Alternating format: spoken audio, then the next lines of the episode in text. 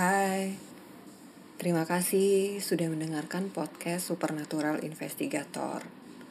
Setelah episode yang lalu, saya menceritakan kisah nyata yang dialami adik saya. Di episode kali ini, saya akan bercerita mengenai sebuah kisah yang pernah dialami dan disampaikan langsung oleh seorang kawan ketika waktu itu ia harus menjaga ibunya sewaktu dirawat di rumah sakit swasta di kawasan Jakarta Selatan. Oke, silakan disimak episode Perempuan berwajah muram di lorong rumah sakit. Di, Bapak pulang dulu. Besok Bapak dinas ke Balikpapan tiga hari. Kamu atur jadwal sama adik kamu. Jangan sampai ibu sendirian gak ada yang jaga loh ya. Bapak berdiri dari sofa tempat duduknya dan menghampiri ranjang ibu yang tengah tertidur. Bapak merapikan selimut ibu dan mengusap lembut rambut ibu. Iya pak, nanti adik gantian dengan Beben dan Katika. Aku berdiri dan berjalan mendekati pintu. Membuka pintu untuk Bapak lewat. Udah nggak usah diantar ke depan. Bapak sendiri aja. Kamu di sini. Jangan ditinggal ibu. Kuatir nanti kalau pas kebangun butuh apa-apa, nggak ada orang lagi.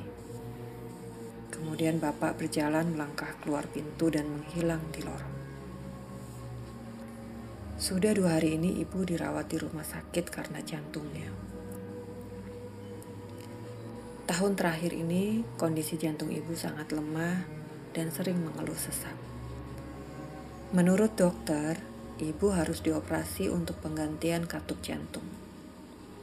Ya, ibuku berusia 50 tahun dan didiagnosis terkena jantung rematik.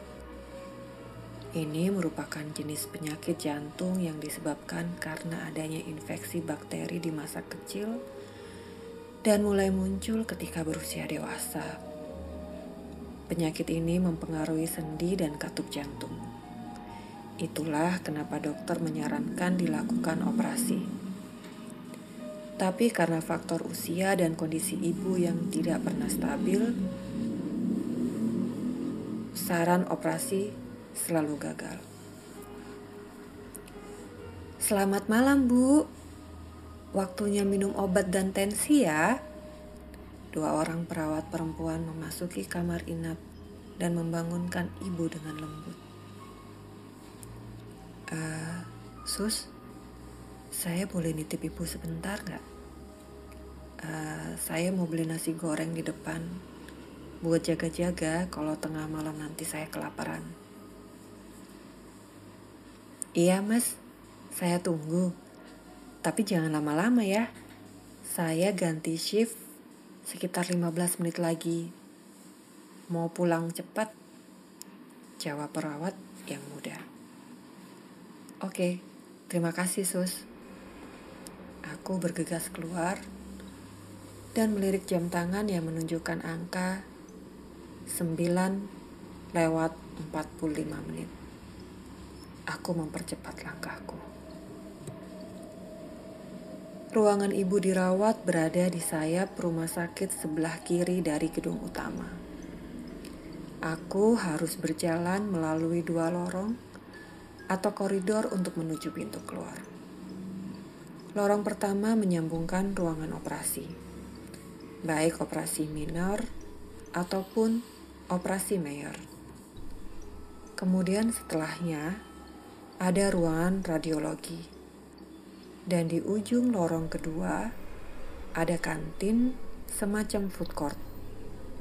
Tapi biasanya jam 9 malam mereka sudah beberes dan bersiap untuk tutup. Selepas lorong pertama, tiba-tiba aku mencium harum parfum. Seketika aku hentikan langkahku dan melirik ke arah kanan. Kosong, tak nampak siapa pun juga. Hanya aku sendiri yang berjalan di lorong itu. Aku berusaha untuk positive thinking. Pikirku mungkin ada yang baru lewat dan meninggalkan jejak harum parfumnya. Aku teruskan kembali berjalan, menyusuri lorong kedua. Dari jarak aku berjalan, kurang lebih 25 meter di depan, aku melihat siluet bayangan perempuan. Jujur, aku agak was-was mengingat malam itu aku berjalan sendirian di lorong ini. Aku berdoa di dalam hati. Tuhan, tolong semoga ini perempuan beneran.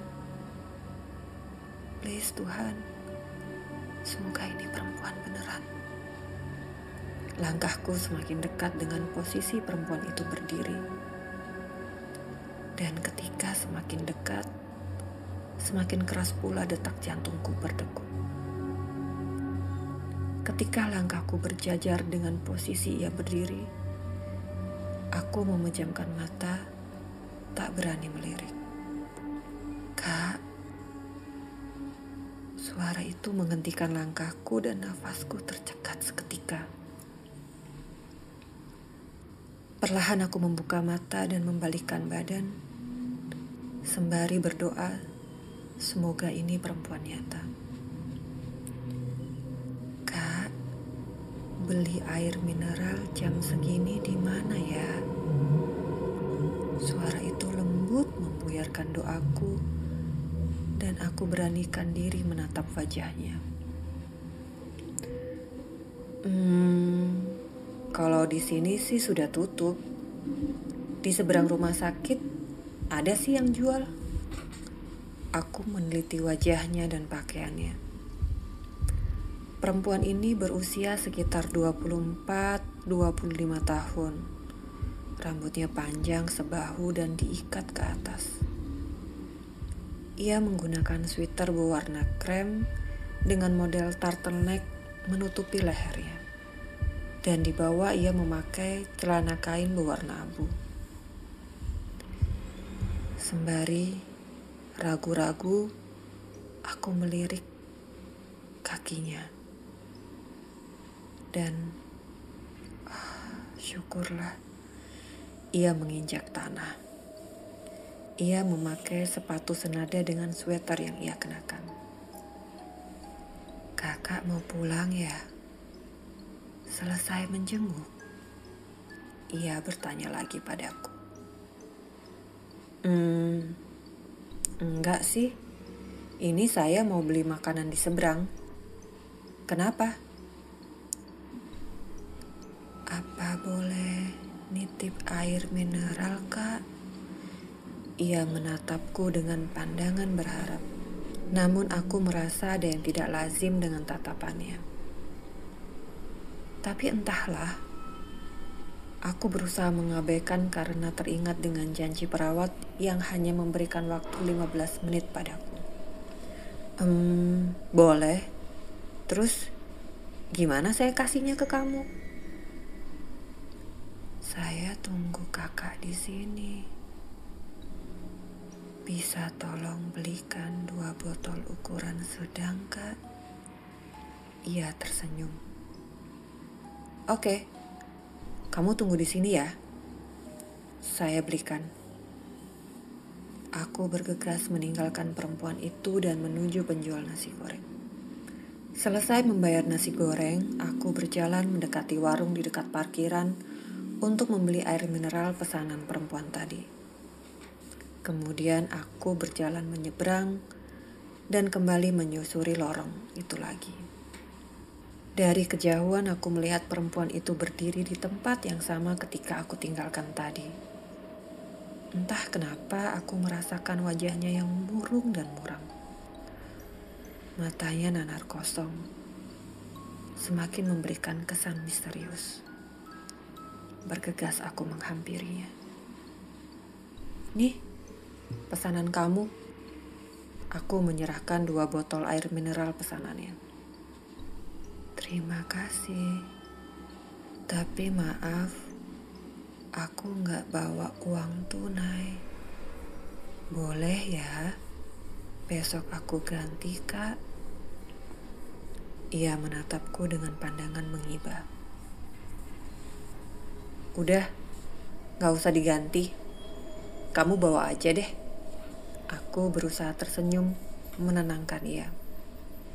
Maaf ya kak, aku janji besok aku ganti. Kakak ada di ruang pavilion kan? Aku mengangguk. Meskipun agak heran bagaimana ia bisa tahu aku menjaga di ruang pavilion. Tapi aku abaikan. Karena mungkin ia hanya kebetulan saja menebak. Oke, saya balik ya.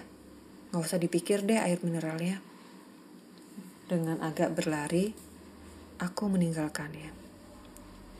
Terbayang ibu dan perawat yang menunggu. Sampailah aku di depan pintu kamar tempat ibu dirawat dan membuka pintu perlahan. Maaf Sus lama. Terima kasih ya. Aku tersenyum dan sedikit menunduk untuk menunjukkan rasa terima kasih sekaligus rasa bersalah karena sudah lewat 15 menit aku pergi. Oh, nggak apa-apa. Jemputan saya juga kebetulan belum datang. Saya tinggal dulu ya mas. Perawat tadi meninggalkan ruangan. Tiga hari berturut-turut di sekitaran jam yang sama, aku selalu bertemu perempuan itu. Di lokasi yang sama persis. Dan selalu menitip air mineral. Tapi kali kedua dan ketiga, dia menyerahkan uang. Namun aku tak pernah mau menerimanya. Kesedihan yang mendalam kurasakan ketika menatap matanya.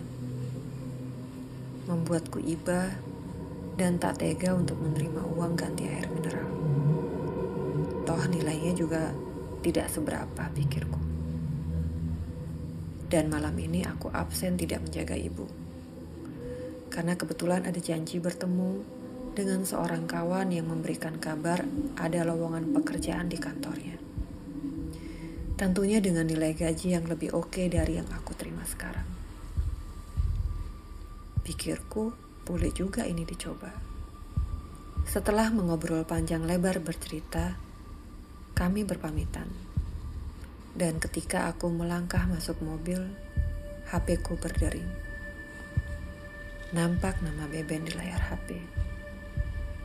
Adikku. Ngapain tuh anak telepon jam 10?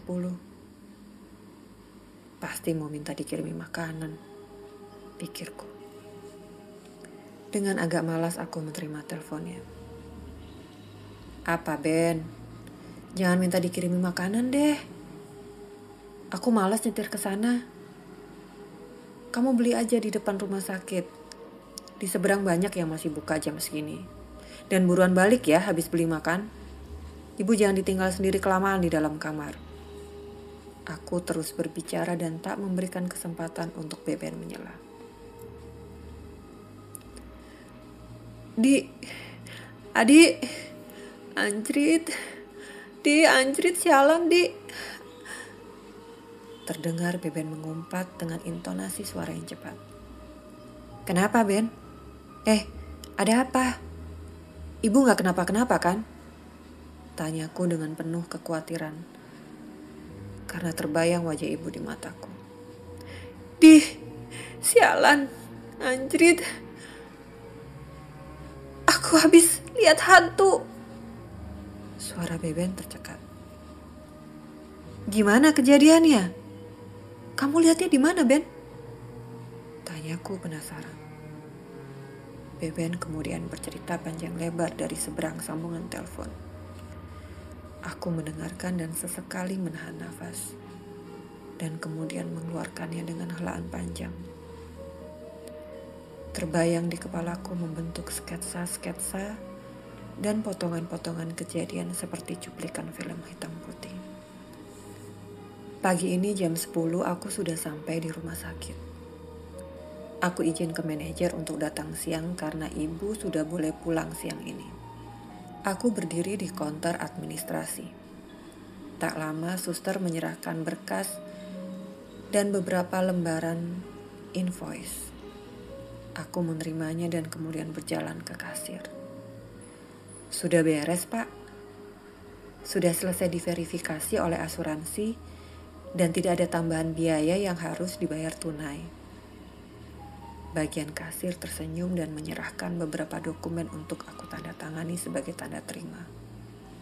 Dan setelah selesai menandatanganinya, aku diarahkan untuk menemui perawat. Mas, ini obat-obat ibu yang harus dihabiskan ya. Terus, dijaga kondisi ibu. Makannya sementara yang lembut-lembut aja. Lalu itu di lembar kedua ada catatan dari dokter. Perawat menjelaskan panjang lebar.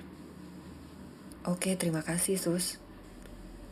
Aku kemudian berjalan ke arah kamar inap ibu. Di dalam kamar rupanya sedang ada perawat tiga orang melakukan pengecekan terakhir atas kondisi ibu sebelum pulang. Beben melirikku. Matanya terlihat merah. Sepertinya ia tidak tidur semalam. Sus, Beben membuka pembicaraan. Ketiga orang perawat itu mengarahkan pandangan matanya ke Beben dengan serentak.